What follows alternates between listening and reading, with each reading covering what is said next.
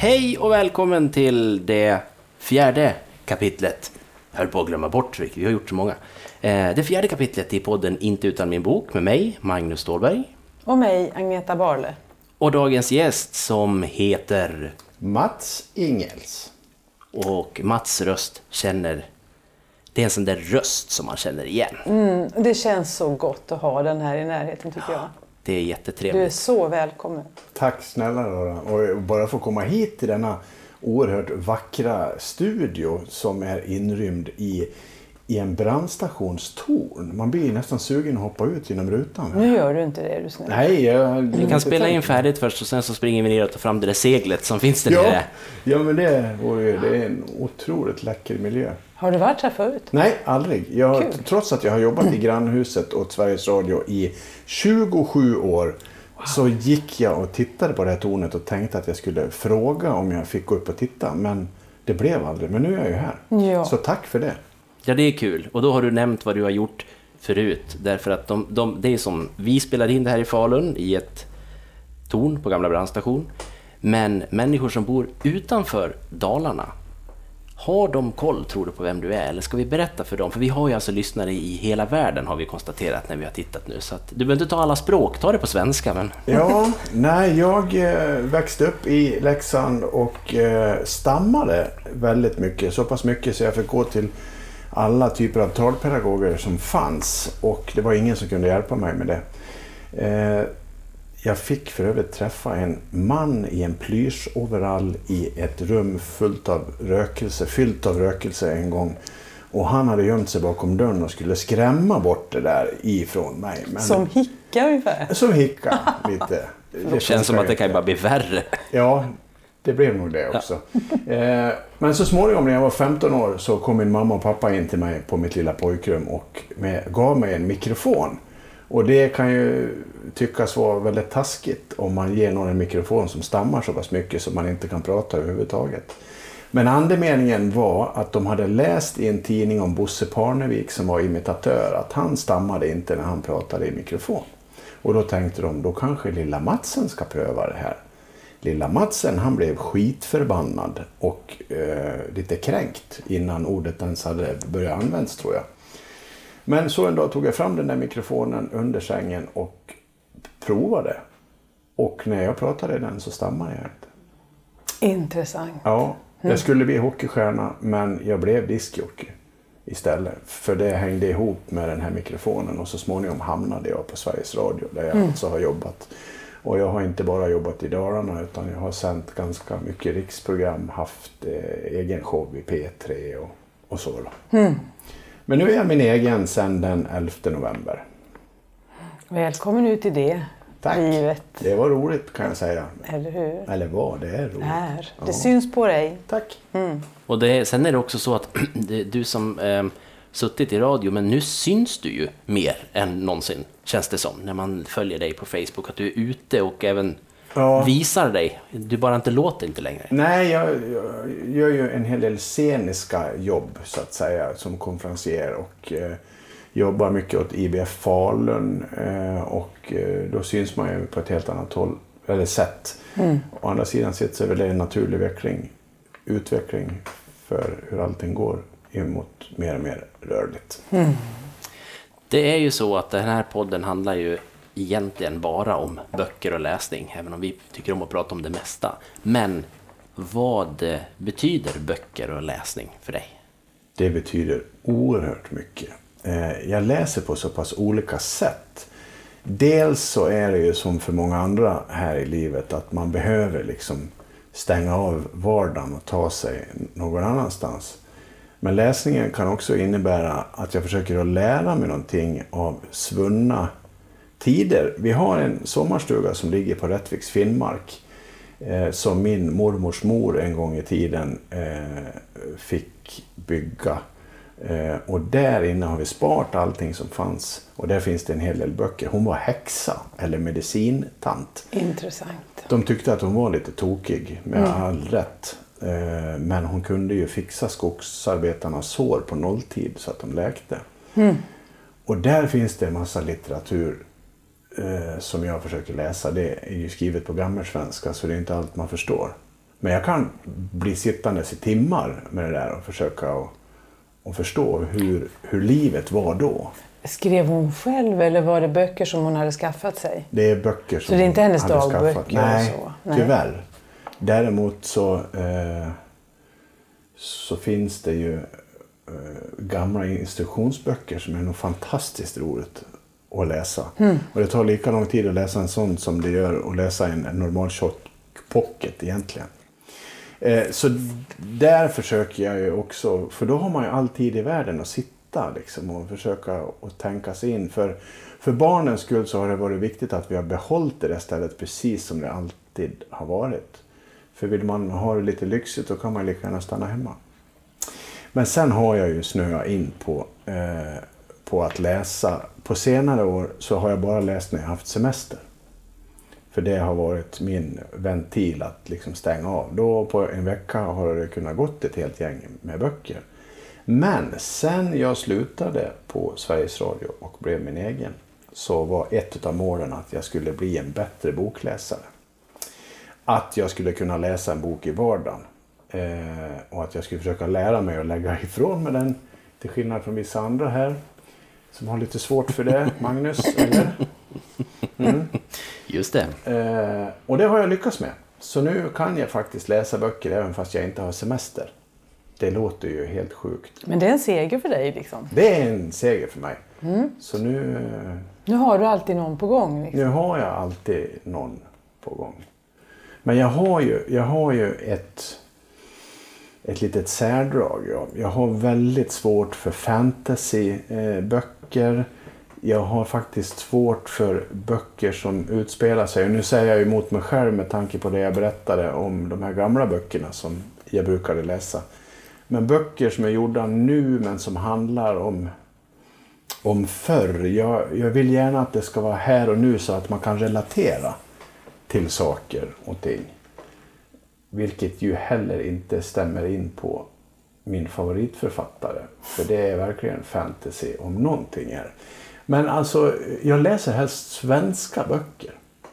Gärna med, som utspelar sig i svenska miljöer. Och det blir väl nästa steg för mig i min mognadsprocess när jag blir vuxen och kanske lär mig att ja, men man kan läsa annat också. Men just nu så är jag där. Och jag är ju uppvuxen i Leksand där den så kallade militärligan en gång i tiden grundades innan de flyttade till Falun och sen och det finns nu en bok som heter Björndansen som är skriven av en av de bröder som inte var med i själva ligan. Eh, som tillsammans med den kända deckarförfattaren Roslund eh, har skrivit just den här boken Björndansen och sen har det kommit en uppföljare också. Och de är hysteriskt eh, fräna, även fast det de gjorde var vidrigt. Men i och med att jag levde, gick i skolan samtidigt som de här, så kan jag relatera till det så bra. Eh, och även fast det är lite fiction inblandat i det så blir det liksom speciellt när man känner till Mm, allt. Det är klart. Ja, verkligen. Björnligan sa du. Ja. Nej, den heter Björndansen. Ja, men du sa att Björnligan var inblandad. Militärligan. ja, militärligan. Ja. För mig, du måste nästan berätta kort vad det var. Ja, militärligan de höll på i ganska många år utan att åka dit. För ingen av dem hade ju eh, ett kriminellt förflutet. Så det fanns ju inga fingeravtryck eller någonting. Och de var ju, gjorde sig kända genom en, en mängd rån. Eh, de stal en hel vapenkassun i södra Stockholm. Eh, och använde bara ett vapen vid varje rån. Vilket gjorde att det inte gick att spåra på något sätt. Och de var ju på väg och lyckas men åkte dit så småningom i Heby utanför Sala. Och de hade som, som varumärke att när de gjorde ett rån så sköt de en glad smiley i, i fönsterrutan. Och de där jäckade ju polisen både länge och väl innan de- åkte dit. Och har man då liksom vuxit upp med de här personerna så blir det ju lite extra spännande. Det blir lite mer än en sunkig vardagsdeckare. Mm, klart det gör. Är det som du håller på med precis nu? Eller? Nej, eh, nu har jag faktiskt igår kväll eh, till min stora vrede läst den sista sidan eh, om, om fortsättningen av berättelsen av Kristoffer Silverbjälke som är skriven av Butler och Örlund som handlar om en, en psykopat. Eh, den, den här boken, den senaste som har kommit, heter Uppståndelsen. Och det roliga är att de här böckerna är både snuskiga och vidriga och eh, direkt olämpliga egentligen att läsa.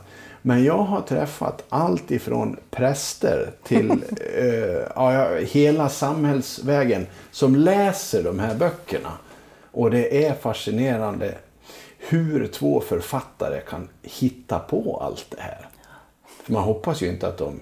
Ja, man vet ju aldrig. Eh, men ja, det är ju berättelser som är fantastiska. Och vad som händer i de här böckerna är ju att längst bak i böckerna så står det ju en sammanfattning från de tidigare böckerna. Vilken bra idé! Ja, det är faktiskt väldigt bra. Men när jag nu ligger och läser och har, tror jag, 35 sidor kvar så visar det sig att jag är på sista sidan. Just nej. För man vill ju inte tjuvkika framåt. Nej. Nej, Så då var det slut för fort? då var det slut för fort. För snabbt. Men det betyder ju också att den här, eh, att den här serien kommer att fortsätta. Just det, det blev en hang- cliffhanger där. Ja, för den var lite vingrig i inledningen så att jag kände att det här är kanske sista boken. Du Mats, jag tänkte när du pratar om slut och så. Är du en sån som kan ge dig in i en bok och så efter kanske ja, 100 sidor så upptäcker du nej men den här ger inte mig någonting. Så då stänger du igen den och lägger den ifrån dig för gott. Eller måste du läsa igenom böcker? Nej, jag måste nog inte, men jag försöker. Jag tror att jag, jag är, är lite trygghetsnarkoman där, så att jag, jag liksom undersöker boken innan jag börjar läsa den. Jag är nog lite feg, så vågar inte chansa så speciellt ofta. Eh, men jag tror aldrig jag har avbrutit en bok. Jo, det gjorde jag en gång. Då var jag på semester, fick slut på läsning eh, på charterhotellet. I receptionen där fanns det ett helt gäng med böcker. Jag tänkte, jag hinner en till innan jag åker hem. Hämtade boken, jag kommer mot slutet i boken, det är tio sidor kvar. Då är det någon som har rivit ut de tio sista sidorna.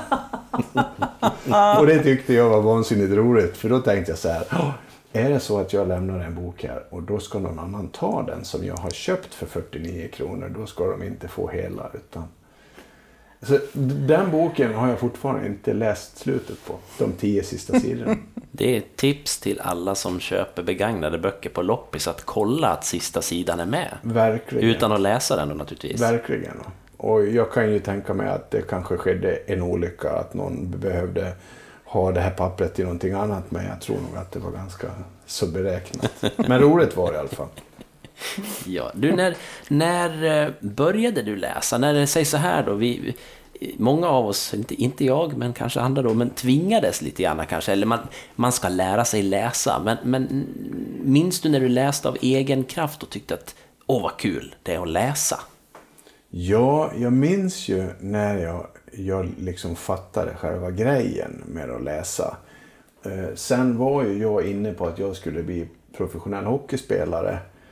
Eh, så att läsningen kanske begränsade sig till de här samlaralbumen och det står ju inte så mycket vettigt i dem. Eh, utan det var nog först senare som jag, som jag kom på att jag skulle läsa. Så jag kom igång väldigt sent med det. Däremot så när jag var väldigt liten då så vet jag att sagostunderna med morfar var heliga. Mm. Han var ju å andra sidan sett eh, också lite speciell för han hittade på sina sagor själv som grundar sig i en fin gammal saga som hette Jätten i Råberget. Men han skarvade lite här och var och hittade på själv. Och jag och mina kusiner, vi låg uppe på ett loft i sommarstugan. Han låg i mitten och berättade.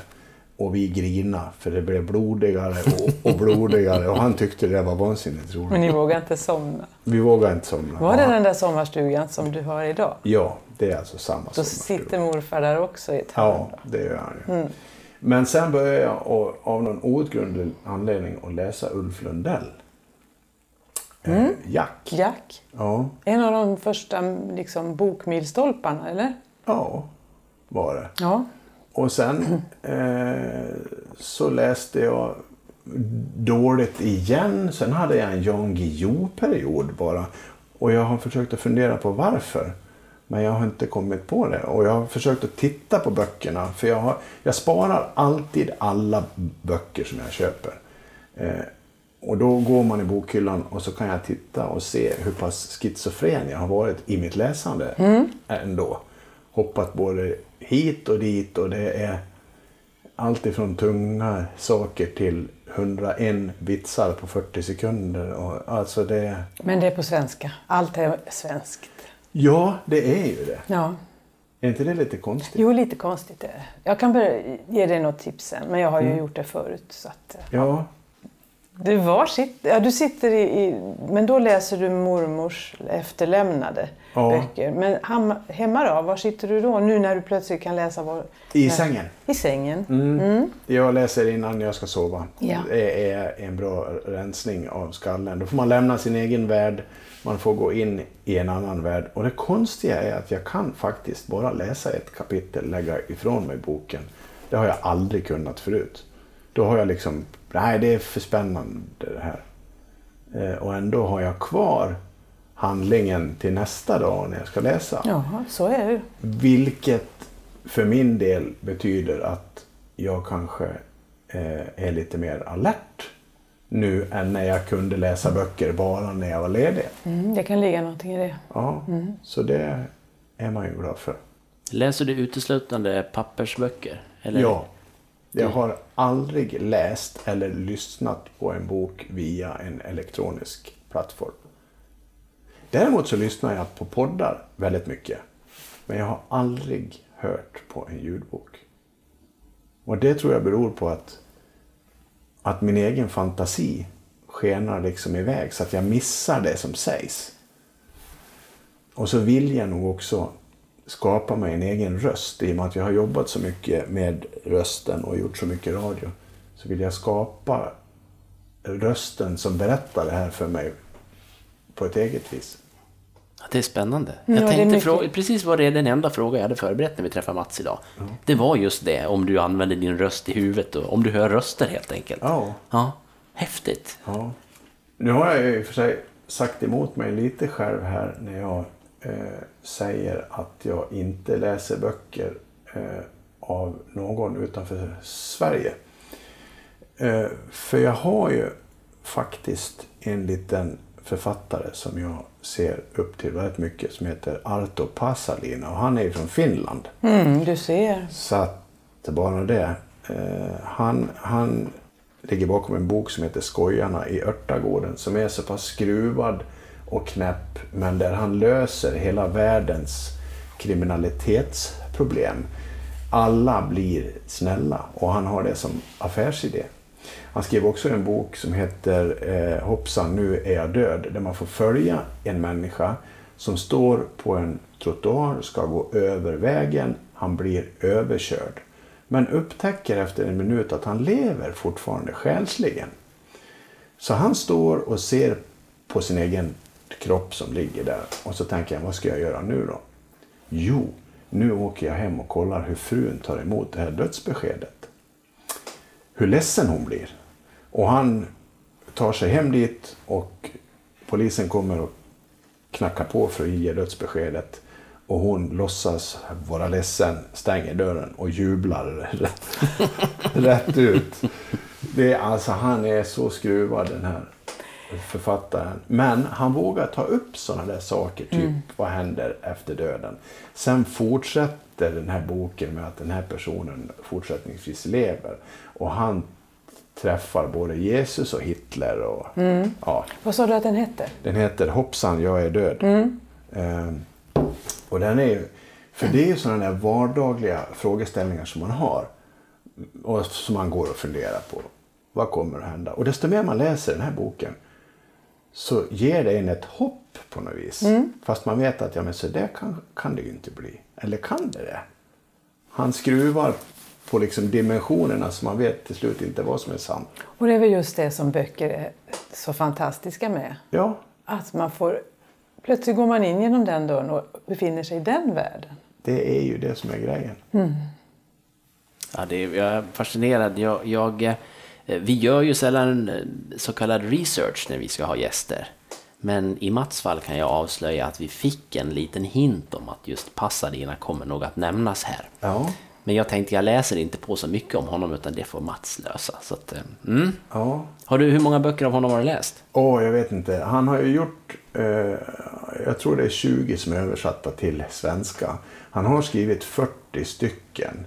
Men 2009 så drabbades han av en hjärnblödning så han kan inte skriva längre. Så nu står ju hoppet till att han får ha det så bra han kan ha det. Men också att de här 20 böckerna som inte är översatta än till svenska, att de ska översättas. Så jag har nog läst 10 utav de 20 i alla fall. Det är som en liten guldgruva du har. Ja, det är det faktiskt. Och eh, eh, jag brukar tipsa om Pasadena till folk som kanske inte läser så mycket. Jag skulle, ja. Ja, eller till sådana som läser för mycket som behöver rensa i systemet. För det han skriver är ju så pass skruvat och konstigt. Och det är väl egentligen fantasy kan man säga. Men, eh, ja. Realistisk fantasy. Ja, Skulle jag säga, om, för det, det har du rätt i, det är klart det är fantasy, men på något sätt så känns det ju på riktigt. Det är mer, fast det är ju helt osannolikt, eller vad vet vi om det, att man kan stå Nej. bredvid och titta på det, vet vi ju inte. Nej, men man kan ändå, liksom ändå säga att det är fantasy, men ändå känns det ju som att det kan vara på riktigt. ja, Större chans det än att folk har jättelånga öron och, ja och kan flyga och så. Det ger en hopp liksom på något vis. Ja. ja jag gillar den där farbrorn. I alla fall. Han, eh, han har många skruvade böcker. Och alla utspelar sig i nordvästra Finland. Vilket, där har man ju aldrig varit eller Nej. hade har tänkt åka dit heller. Nej, och, och det är inte så att du känner att Åh, dit skulle jag vilja åka. Ja, nu skulle man väl kanske det bara för Ja. att kolla om de här ställena verkligen finns överhuvudtaget. Då. Och det där är ju roligt att man har snöat in på det. Eh, Och jag vet inte var jag fick det ifrån heller. Ibland är det så bara man möts av en bok som sätter sig och sen ja, kör man på i den. Ja, det är läckert. Jag tänker på min kära Tove Jansson. Det är ju också en sån här Ja, finsk författare som jag inte kan vara utan. Men det känns så gott att, att hennes böcker finns. ja, Så står de där och väntar. ja. Man, man tänker ju när man läser böcker att man kanske skulle ha försökt att skriva en själv. Men jag tror att om jag skulle försöka göra det så skulle det bli ett mischmasch av allt som man redan har läst. Eh, ja, Det kan i och för sig, med tanke på vad du läser, Ja. kan det bli spännande. Det Silverbjälke, Passalina och sen... ja, ja visst. Ja. Då får jag väl flika in med min stora upplevelse som jag hade för tre veckor sedan när jag träffade Bob Hansson och hade en skrivkurs.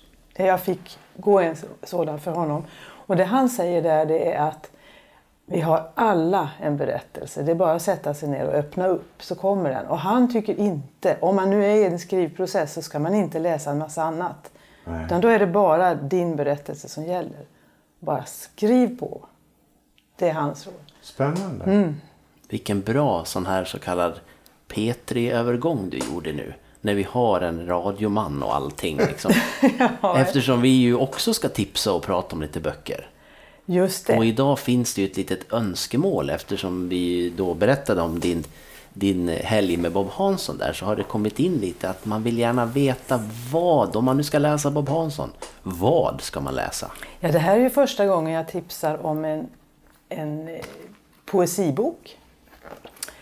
En, en lyrisk bok. Eh, och eh, jag är ju så gräsligt lyrisk nu över författaren som sådan. Men jag rekommenderar den som inte har läst honom att kanske börja med boken Halleluja liksom. Det är alltså en piratflagga på omslaget, men piratflaggan är ju fantastisk. Istället för dödskalle så är det, ja, det är ett hjärta Ja. som är en dödskalle. Och sen är det istället för svärd är det två blommor.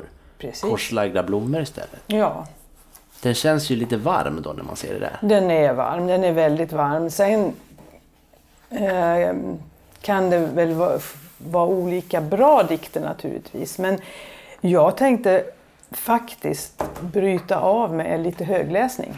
Det tycker jag. Om ni inte har något emot det. Ja, härligt. Och det är kanske inte en dikt, det är mer som en liten eh, kort text. Början kommer ni att känna igen.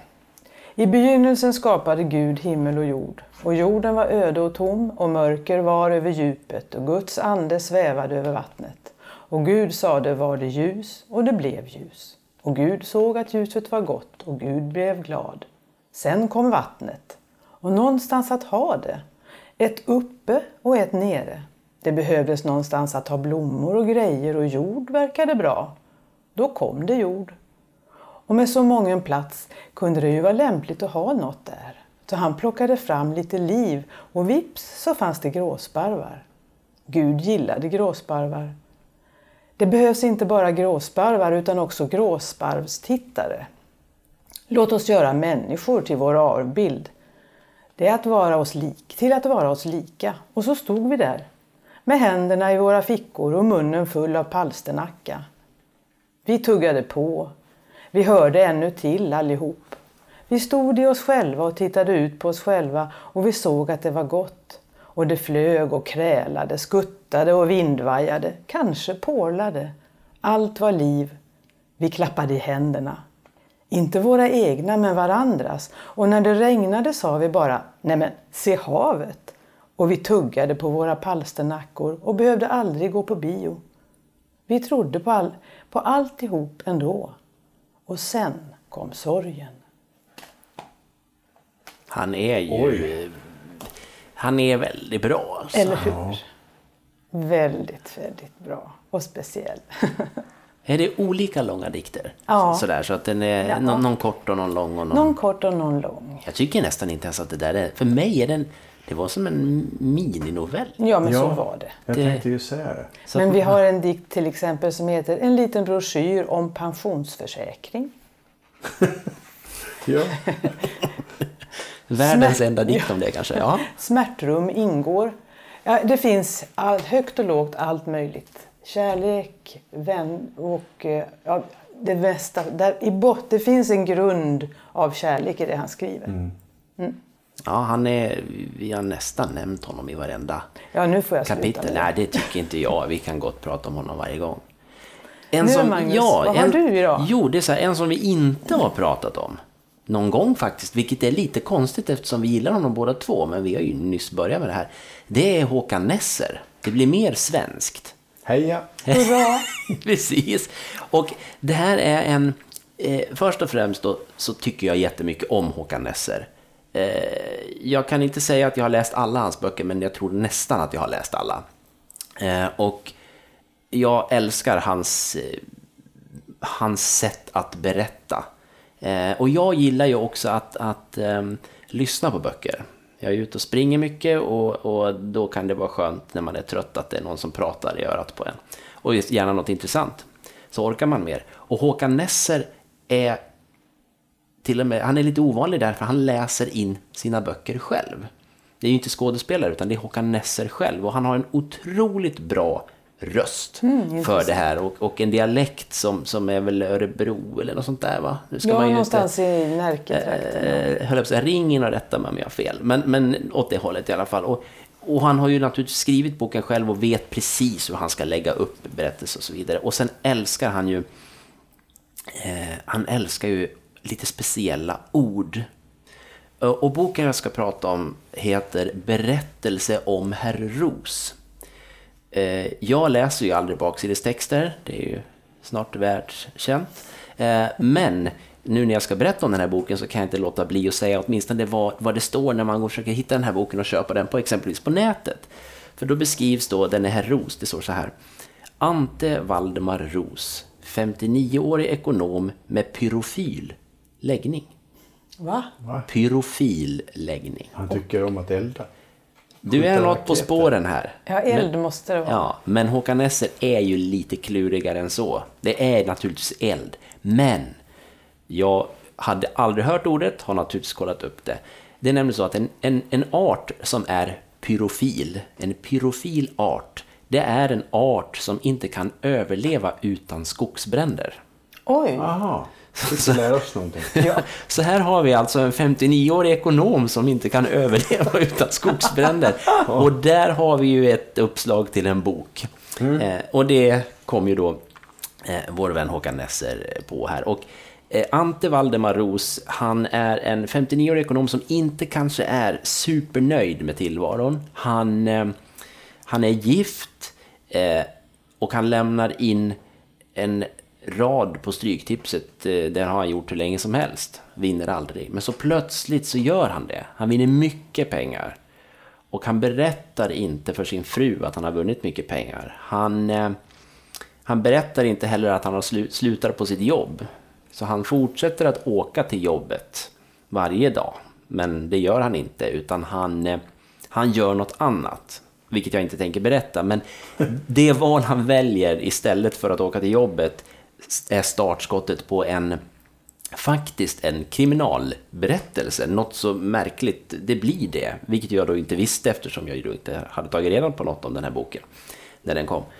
Eh, men äventyret, eller berättelsen om Herr Ros helt enkelt, den är bara, den är bara underbar. Och jag har läst för lite Pasadena, jag tror jag har läst två böcker. Eh, Jag ska inte säga att det här är, ja men vi kan säga lite att det är i hans anda ändå. Det låter ju så. Ja, för det är liksom lättsamt men ändå det är väldigt berörande för det här är ju, det är klart att är man 59 år och egentligen har det mesta fixat för sig och ändå är man inte nöjd. Vad gör man då? Om man nu, i det här fallet råkar han ju vinna på tipset och det är inte alla som kan göra det. Men han, ja, det är en sån himla bra berättelse. Titeln är kanon för det är precis det det är. Sen får man en, en kriminalhistoria på köpet. Berättelse om herr Ros, Håkan Nesse, den kom 2009 och den är- går att få tag på på alla möjliga sätt. Det lät jätteintressant. Så Den upp- tycker jag. Ja, och har man aldrig läst Nesser, men hört talas om Ja. eller så, börja med den här säger jag. För då tror jag eh, att man är såld. Dagens ledord, pedofil. Just det. Känner ni någon pedofil? Ja, det kanske man... Jag tycker det känns väldigt skönt att sitta i en brandstation. Ja, just nu så är det... Ja, det, det är väldigt långt till några träd också faktiskt. Det är ju bara Ja. tegelsten. i- Ja, vi har lite trä. Trappen är i trä i och för sig. Mm. Men det har varit dött i över hundra år så det, det ska väl ingen elda på. Vi har kommit till slutet. Ja, igen. Ja. Vi har suttit i det här tornet på gamla brandstation och vi har pratat med Mats Ingels. Och vi är så glada att du kom hit. Nöjet är helt på min sida och i och med att jag nu har läst ut min senaste bok så fick jag ju med mig tips här. Jag ska nog besöka min bokhandlare och både kolla in Bob Hansson och herr Nesser här. Det låter jättebra. Jag skulle vilja inflika då att han har ju också börjat skriva romaner. Ja, det har jag läst. En, eh, jag tror jag har nämnt det tidigare här i podden också. Nej, det kanske jag inte har, men han skrev en, en eh, roman som heter Dingo Dingo. Ihop med Pop-Martin, vad hette han som eh, var med i Melodifestivalen ett tag? Ja, och en som jag tror heter Leif Eriksson. Det är jobbigt där när man inte kommer ihåg den Nej. tredje, men de tre gjorde en, en, en fantastisk... Det är Passalina, verkligen. De har uppfunnit en maskin som kan allt som en människa behöver. Men den där maskinen finns inte och istället när de träffas för att titta på maskinen så kramas de istället. Ja, men det, Ah. det är väl en vinst i sig. Ja, eh, det var Dingo Dingo, ett litet bonustips. Men det kanske vi kan prata mer om en annan gång, för nu är det slut. nu är det gången. slut. Tack för idag. Tack för idag.